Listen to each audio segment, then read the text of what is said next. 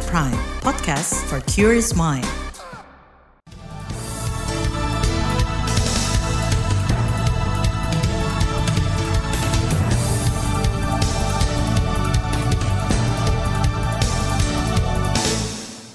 Selamat pagi saudara, senang sekali kami bisa menjumpai Anda kembali melalui program Buletin Pagi edisi Senin 30 Januari 2023. Saya Naomi Liandra. Sejumlah informasi pilihan telah kami siapkan di antaranya.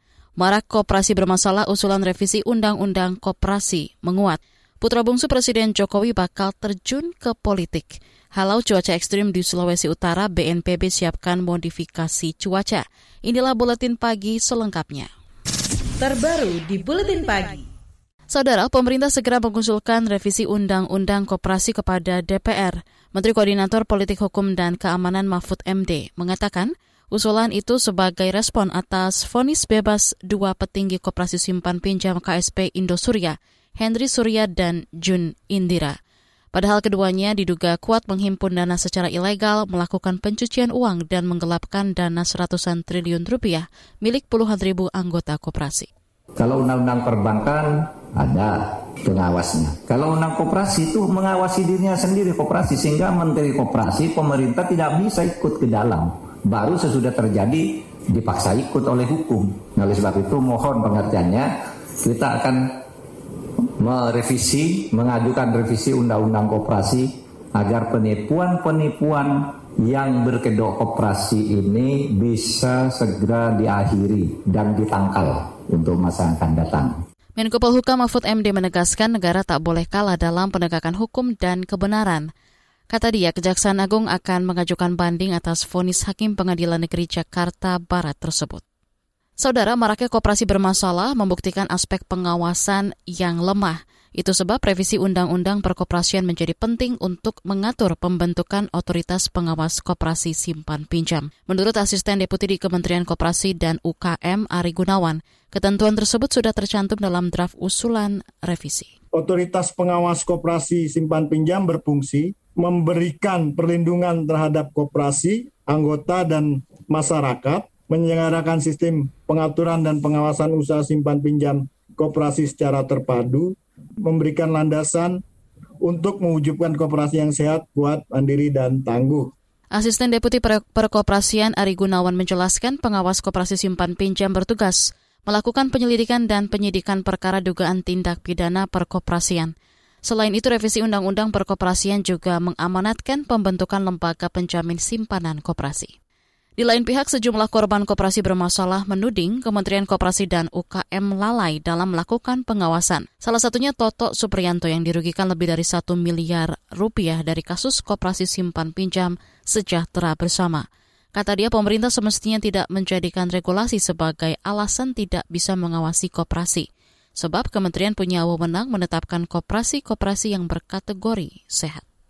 Itu ada tupoksinya, kementerian mengawasi koperasi secara berkala. Nah, hmm. nah kemarin dalam jumpa pers kok Pak Mahfud malah seperti itu dan Pak Teten juga selalu mengatakan itu. Sekarang gini secara logika Pak Teten mengatakan tidak bisa mengawasi tapi dia bisa memberikan sertifikat sehat di 2012, 2016, 2018.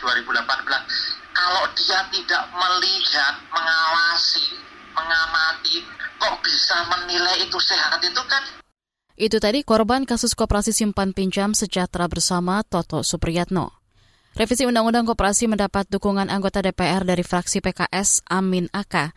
Kata dia, sejak Undang-Undang Koperasi dibatalkan oleh Mahkamah Konstitusi 11 tahun silam, maka revisinya bersifat kumulatif terbuka, sehingga bisa dibahas kapan saja tanpa harus masuk program legislasi nasional. Memang kita prihatin ya karena dengan dibatalkannya Undang-Undang Perkoperasian nomor 17 tahun 2012 itu, perhatikan sekarang tetap kan undang-undang yang dipakai Undang-Undang Perkoperasian ya boleh dibilang jadul ya, 92 ya kan lama sangat Mbak ini Kak. Tentu ya harus segera diperbaiki lah apalagi memang segala kegiatan ini terus berkembang ya terkait dengan pekoperasian ya masalah-masalah di lapangan juga sangat banyak apalagi terakhir kita semua mengelus data dengan kasus Indosuria gitu kan Anggota Komisi Investasi DPR Amin Aka menambahkan revisi Undang-Undang Perkoperasian sudah selesai disusun pemerintah tahun lalu.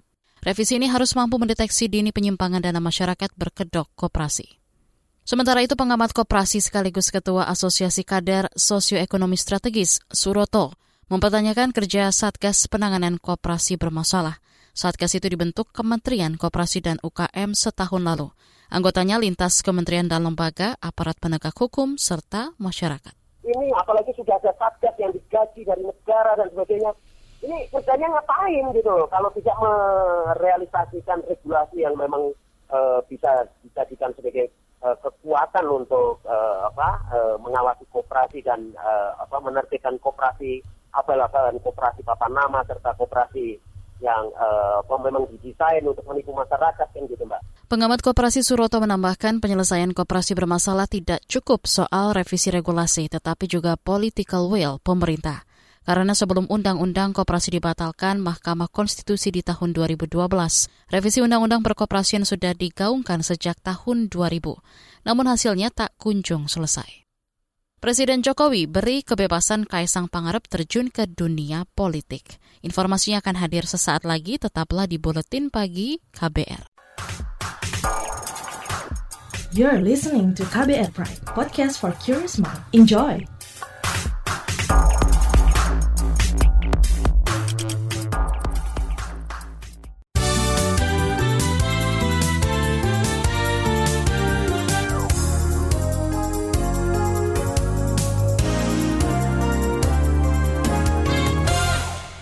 Presiden Joko Widodo mengungkapkan anak bungsunya yakni Kaisang Pangarep sudah meminta izin terjun ke dunia politik. Jokowi pun mengaku memberikan kebebasan dan menyerahkan keputusan kepada Kaisang. Saya selalu memberikan kebebasan kepada mereka.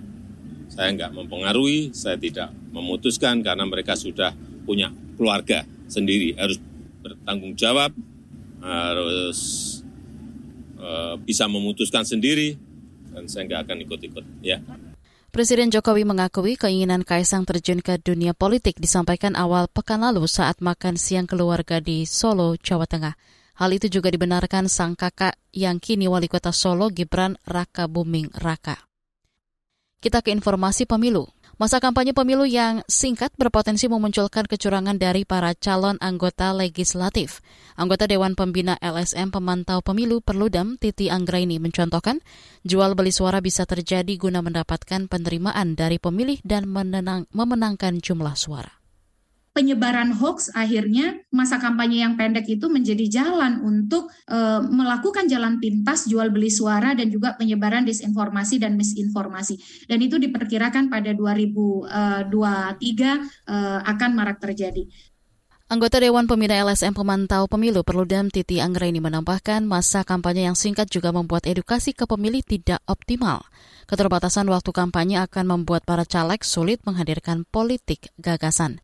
Sebelumnya DPR bersama penyelenggara pemilu menetapkan masa kampanye pemilu 2024 hanya 75 hari. Menteri Luar Negeri Retno Marsudi mengungkapkan arti dari tema ASEAN Matters Epicentrum of Growth yang diusung Indonesia selama menjadi ketua ASEAN tahun ini. ASEAN Matters artinya tetap menjadikan ASEAN relevan dan penting bagi semua rakyat di kawasan dan luar kawasan. Sedangkan Epicentrum of Growth artinya ASEAN harus tetap memerankan peran sentral bagi stabilitas dan perdamaian kawasan termasuk Indo-Pasifik. Ada beberapa kerjasama yang akan diperkuat antara lain di bidang kesehatan tentunya karena pandemi belum tuntas. Kemudian yang kedua di bidang energi, yang ketiga di bidang pangan dan yang keempat adalah penguatan untuk kerjasama keuangan. Nah tadi saya bicara mengenai Indo-Pasifik. Indo-Pasifik banyak didekati hanya dari aspek security kita mendekati Indo-Pasifik selain tentunya masalah keamanan penting, tetapi kita ingin mendekatinya dari aspek ekonomi dan kerjasama pembangunan. Indonesia menjadi ketua ASEAN pada 2023 usai menerima estafet kepemimpinan dari Kamboja. Serah terima berlangsung pada upacara penutupan KTT ke-40 dan 41, serta KTT terkait lainnya di Phnom Penh akhir tahun lalu. Presiden Joko Widodo mengapresiasi budaya gotong royong yang menjadi kekuatan Indonesia menghadapi pandemi COVID-19. Jokowi meminta budaya itu tetap dijaga dan dilanjutkan guna mengejar segala ketertinggalan karena terhambat pandemi. Meskipun kita juga patut bersyukur bahwa ekonomi kita tumbuh sangat baik. Kuartal ketiga kemarin di angka 5,72. Inflasi juga terkendali di 5,5 persen. Perkiraan saya pertumbuhan ekonomi year on year berada di angka 5,3. Coba bandingkan dengan negara-negara besar G20. Seingat saya kalau enggak nomor satu ya nomor dua kita di antara negara-negara besar. Itu tadi Presiden Jokowi saat berbicara pada perayaan Imlek Nasional di lapangan Banteng, Jakarta kemarin. Jokowi juga meminta semua pihak bekerja sama untuk meningkatkan dan mengoptimalkan capaian perekonomian nasional. Beralih ke informasi ekonomi. Minyak goreng curah kemasan bermerek minyak kita langka di pasaran. Padahal menurut Menteri Perdagangan Zulkifli Hasan, stok dan pasokan minyak kita tetap normal. Namun permintaan pasar sangat tinggi. Jadi di pasar kurang, bukan berarti sudah kurang. Karena sekarang kalau beli minyak goreng ya minyak kita, ya. Jadi uh, ya ya apa namanya barangnya laris, ya laris. Kalau dulu misalnya penjualannya satu, sekarang jadi dua, ya. Kalau dua jadi empat, yang empat jadi Menteri Perdagangan Zulkifli Hasan menambahkan produksi minyak kita bakal ditambah. Perusahaan minyak sawit juga sudah diminta menambah lagi pasokan dalam negeri. Sebelumnya harga eceran tertinggi minyak kita dipatok Rp14.000 per liter. Namun beberapa hari terakhir harganya meroket menjadi 17 hingga Rp18.000 per liter. Kita ke informasi mancanegara. Produksi opium atau candu Myanmar justru meningkat dua kali lipat sejak 2021 atau sejak kudeta militer terjadi. Produksi opium sebagai bahan baku narkotika tahun lalu mencapai hampir 800 metrik ton, padahal tahun sebelumnya 400-an metrik ton. Luas lahan opium di sana juga bertambah jadi lebih dari 40 ribu hektar. PBB meyakini peningkatan produksi opium Myanmar akibat musim paceklik dan situasi ekonomi yang sulit. Di sisi lain, harga opium justru semakin menggiurkan. Petani bisa mendapatkan 280 dolar Amerika atau setara 4,1 juta rupiah untuk 1 kilogram opium. Alhasil, petani lebih tertarik menanam opium. Fenomena ini sekaligus membuktikan program substitusi tanaman yang sudah dilaksanakan satu dekade gagal total. Keberita olahraga, tuan rumah merebut dua gelar juara turnamen bulu tangkis Indonesia Masters 2023 yang digelar di Istora Senayan, Jakarta. Partai puncak kemarin, dua wakil merah putih meraih podium tertinggi. Tunggal putra Jonathan Christie memenangi duel sesama pemain Indonesia dengan mengalahkan rekan sepelatnas Chico Aura Dwi Wardoyo dua set langsung 21-15, 21-13. Ini merupakan gelar pertama Jojo di turnamen BWF Super 500. Di partai pamungkas, ganda muda Leo Fernando dan Daniel Martin menumbangkan wakil Cina Hei Chou 21-17, 21-16.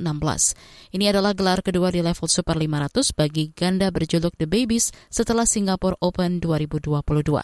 Sementara itu, trofi tunggal putri direbut An Seyong dari Korea, sedangkan ganda putri dan ganda campuran didominasi wakil Cina. Di bagian berikutnya, kami hadirkan saga tentang laku ramah lingkungan dari bilik kecil kantin sekolah di Bali. Tetaplah di Buletin Pagi. You're listening to KBR Pride, podcast for curious mind. Enjoy!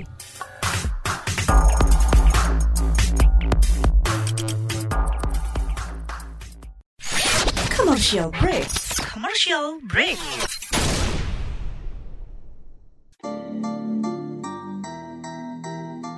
Come on, yo. Buat yang sukanya berhoax, you better listen to this one. Check this one out yo. Hati-hati kalau baca kabar hoax. Jangan langsung disebar kabar yang hoax. Kalau mau tahu kabar benar atau hoax, dengerin cek fakta yang pasti bukan hoax. Dengerinnya setiap Senin yang jelas bukan hoax. Cuma ada di kbrprime.id dan aplikasi podcast lainnya. Hoax. Sudah cukup-cukup hoaxnya? Hoax. Cukup. Jaga emosi, tahan jari, verifikasi sebelum dibagi. Saya Aribo Sasmito, Ketua Komite Pemeriksa Fakta Mafindo. KBR Prime, podcast for curious mind.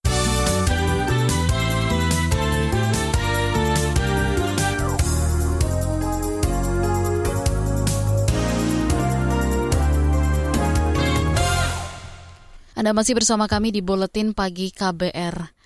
Saudara, perilaku baik butuh pembiasaan. Itu sebab pendidikan krusial sebagai sarana memupuk kebiasaan-kebiasaan baik sejak dini. Misalnya perilaku ramah lingkungan yang saat ini gencar ditanamkan lewat sekolah. Namun prosesnya kerap tak mudah, seperti yang dialami SD Negeri 7 Dauh Puri di Denpasar, Bali, yang butuh bertahun-tahun membangun ekosistem ramah lingkungan. Dan itu semua berawal dari mengubah wajah kantin sekolah. Jurnalis KBR Nini Yuniati melihat dari dekat praktik pengurangan sampah di sana. Laporannya dibacakan Astri Yuwanasari. Selepas jam istirahat pertama, kantin SD Negeri 7 Dauh Puri dan Pasar Bali terlihat sepi. Semua makanan yang tersaji hari itu ludes terjual. Oh, itu kebetulan tempatnya sudah dibersihkan karena menunya sudah habis. Tuh, ada risoles tadi, ada uh, pangsit, jasuke. Ini adalah Kepala Sekolah SDN 7 Dauh Puri, Niluh Putu Aryani. Ia bercerita kantin tak lagi menjual makanan ringan. Seluruh menu harus bergizi seimbang. Penggunaan plastik sekali pakai pun dilarang. Karena sebelum kita menerapkan pengurangan plastik ini, kantinnya sama seperti kantin-kantin sekolah lain, pokoknya ciki terbesar. Iya, itu memang peminat anak-anak itu besar, tapi itu udah sampahnya juga banyak. Karena mau tidak mau kalau misalnya seperti itu terus diterapkan, satu selain kita banyak sampah, juga kesehatan anak-anak juga kan berpengaruh. SD Negeri 7 Dauh Puri merintis lingkungan sekolah yang sehat dan ramah lingkungan sejak 2015 silam.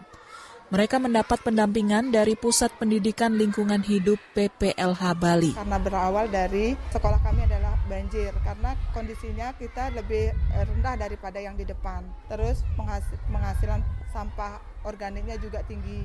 Karena memang sudah kita ketahui masalahnya sampah, jadi kenapa tidak kita ikut menjaga lingkungan kantin mesti dirombak karena menjadi sumber sampah. Kalau sampah dari tumbuh-tumbuhan tuh kita bisa olah dari, sendiri di sekolah. Tapi kalau kantin uh, yang plastik-plastik itu memang kita tidak bisa olah. Oh berarti sumber sampah terbesar di sekolah. Jadinya kita uh, lakukan perubahan pertama itu memang di kantin dan di anak-anak. Prosesnya tak mudah.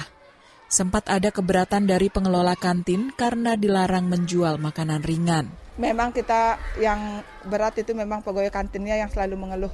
Tapi lama kelamaan dengan diberikan uh, pemahaman, mereka juga menyadari seperti itu. Karena dilihat kondisinya di lingkungan lah modelnya sampahnya bagaimana kesulitan yang mengangkut sampah itu Sekolah mesti gonta-ganti strategi pengurangan sampah di kantin. Awal proses kita itu menggunakan daun, e, misalnya menjual sayur itu menggunakan daun, terus menjual jagung itu menggunakan daun. Tapi setelah lama-lama kok banyak juga sampah organiknya yang sulit juga kita olah.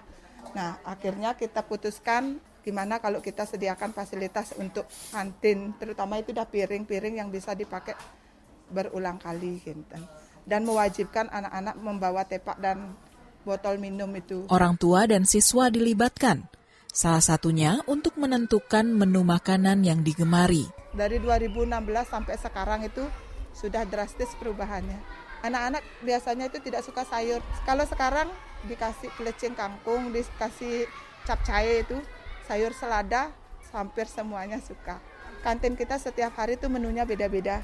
Misalnya makanan yang berat itu kayak geprek, maksudnya makanan yang tren tapi kita kemas supaya anak-anak itu berminat. Guna mengoptimalkan edukasi dan praktik ramah lingkungan, kader kantin dibentuk pada Juli 2022. Mereka terdiri dari tujuh murid kelas 5 yang bergantian menjaga kantin. Salah satunya Cahaya Kirana. Dari jam istirahat sampai selesai istirahat, jaga kantin, harinya juga beda. Jadi kader pangan? Gara-gara mungkin seru jaganya, pengen senang jualan. Pengalaman apa yang menarik ya? Kamu apa aja? Pengalaman menarik ya, buat makanan, buat dimsum. Salah satu tugas Cahaya bersama kader lain adalah menegur siapa pun yang masih membawa plastik sekali pakai. Menurut Putu, pelibatan murid-murid dalam edukasi pengelolaan sampah sangat efektif. Kalau kita yang mengingatkan pasti sudah biasa, kalau anak-anak yang mengingatkan akan lebih malu. Eh, Bu Guru bawa plastik. Saya juga sudah terngiang-ngiang seperti itu. Anak Agung Tati Krismayanti dari PPLH Bali bilang, Keberlanjutan sekolah ramah lingkungan bergantung pada konsistensi pimpinannya. Siswa-siswa bakal antusias berpartisipasi jika melihat komitmen para guru. Harapannya tentu saja praktik baik itu tetap berlanjut saat warga sekolah pulang ke rumah masing-masing. Jadi sebelum ke anak-anak di tingkat sekolah, di tingkat guru gitu ya, manajemen mereka harus paham betul bahwa program ini tidak bisa hanya dilaksanakan oleh Eh, anak-anak, tapi harus ada yang istilahnya mewadahi mereka, kayak melindungi mereka, jadi anak-anaknya juga lebih secure gitu, lebih pede dalam menjalankan program ini. Demikian Saga KBR, saya Astri Yuwanasari. Informasi dari berbagai daerah akan hadir usai jeda. Tetaplah bersama Buletin Pagi KBR. You're listening to KBR Pride, podcast for curious mind. Enjoy!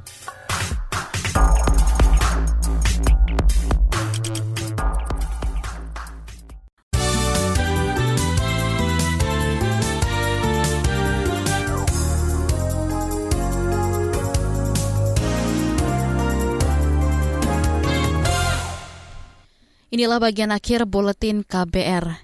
Saudara Badan Nasional Penanggulangan Bencana BNPB bakal melakukan sejumlah mitigasi untuk mengantisipasi potensi banjir dan longsor susulan di Manado, Sulawesi Utara di antaranya dengan melakukan modifikasi cuaca, pengerukan sungai, dan membuat saluran air. Hal itu disampaikan Kepala BNPB Soeharyanto saat meninjau langsung lokasi bencana di Manado dan sekitarnya. Ia menginstruksikan jajarannya memantau perakiraan cuaca beberapa hari ke depan. Yaitu teknologi modifikasi cuaca, ketika hujannya memang berdasarkan prediksi BMKG sangat rapat sangat besar, maka kita akan mainkan TMC, yaitu mengalihkan curah hujan, sehingga ini bisa meminimalisir air yang turun dari atas, sehingga banjirnya tidak terjadi. Saudara, cuaca ekstrim melanda sebagian Sulawesi Utara pada Jumat pekan lalu. Banjir dan longsor terjadi di 10 kecamatan di kota Manado. Antara lain di Bunaken, Tuminting, Singkil, Panget, dan Pal 2. Bencana itu menewaskan lima warga, sedangkan warga terdampak mencapai 4.000 dan 1.500-an di antaranya mengungsi. Kita ke Papua.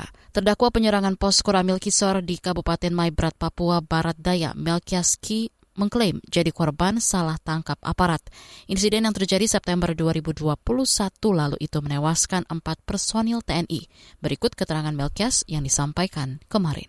Saya hanya seorang masyarakat sipil, masyarakat biasa yang tidak tahu apa-apa terkait pembunuhan pos Karamukiso. Saya tidak terkait, saya tidak termasuk. Eh, pas kejadian saya di rumahnya saya dan saya mengungsi dengan istri saya langsung ke hutan dan saya tidak tahu saya punya nama DBO dikeluarkan dari mana. Saya adalah masyarakat sipil yang salah tangkap oleh kepolisian. Melkias ditangkap polisi akhir Januari lalu. Ia disidang di Pengadilan Negeri Sorong dan dituntut penjara seumur hidup. Dalam sidang tak ada saksi yang menyatakan melihat Melkias ikut menyerang dan membunuh. Saat ditahan dan diperiksa, Melkias menyebut tak didampingi kuasa hukum. Penyidik juga memaksanya untuk mengaku dan menandatangani berita acara pemeriksaan. Fonis bakal dijatuhkan 3 Februari mendatang. Hilirisasi mangrove terus dikembangkan di Jawa Timur, salah satunya lewat Festival Mangrove yang digelar kemarin di kawasan wisata Bahari Tlokor di pesisir Kabupaten Sidoarjo. Ini merupakan festival ketiga yang digelar sejak tahun lalu. Gubernur Jawa Timur Hovifa Indar Parawansa berharap sinergi hilirisasi mangrove bakal terbangun sehingga membawa dampak ekonomi ke masyarakat membangun sinergi hulu hilir. Jadi nanti kalau yang ada di dalam food di dalam uh, festival mangrove, itu hilirisasi dari mangrove. Terus ada sirup mangrove, kemudian ada batik yang menggunakan pewarna alam dari mangrove, ada kue-kue, bahkan ada juga uh, apa basis dari tepung uh, mangrove. Uh, banyak sekali hilirisasi yang sudah tumbuh, berkembang dan menjadi produk-produk UMKM. Bahkan kemudian sudah ada yang internasional. Kofifa Indar Parawansa mengingatkan bahwa Jawa Timur memiliki mangrove terluas di Pulau Jawa. Luasnya mencapai 27 ribu hektar atau 48 persen dari total mangrove sejawa. Informasi tadi menutup jumpa kita di Buletin Pagi hari ini. Pantau juga informasi terbaru melalui kabar baru, situs kbr.id, Twitter di @beritaKBR, serta podcast di alamat kbrprime.id. Saya Naomi Liandra bersama tim yang bertugas undur diri.